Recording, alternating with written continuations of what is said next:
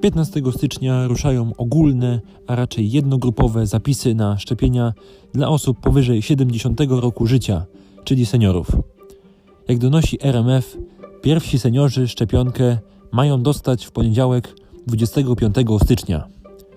Jak ta informacja wyciekła miesiąc temu, to już wszyscy tarli rączki, żeby być pierwszymi lub jakoś ominąć kolejkę, no ale nie poskutkowało.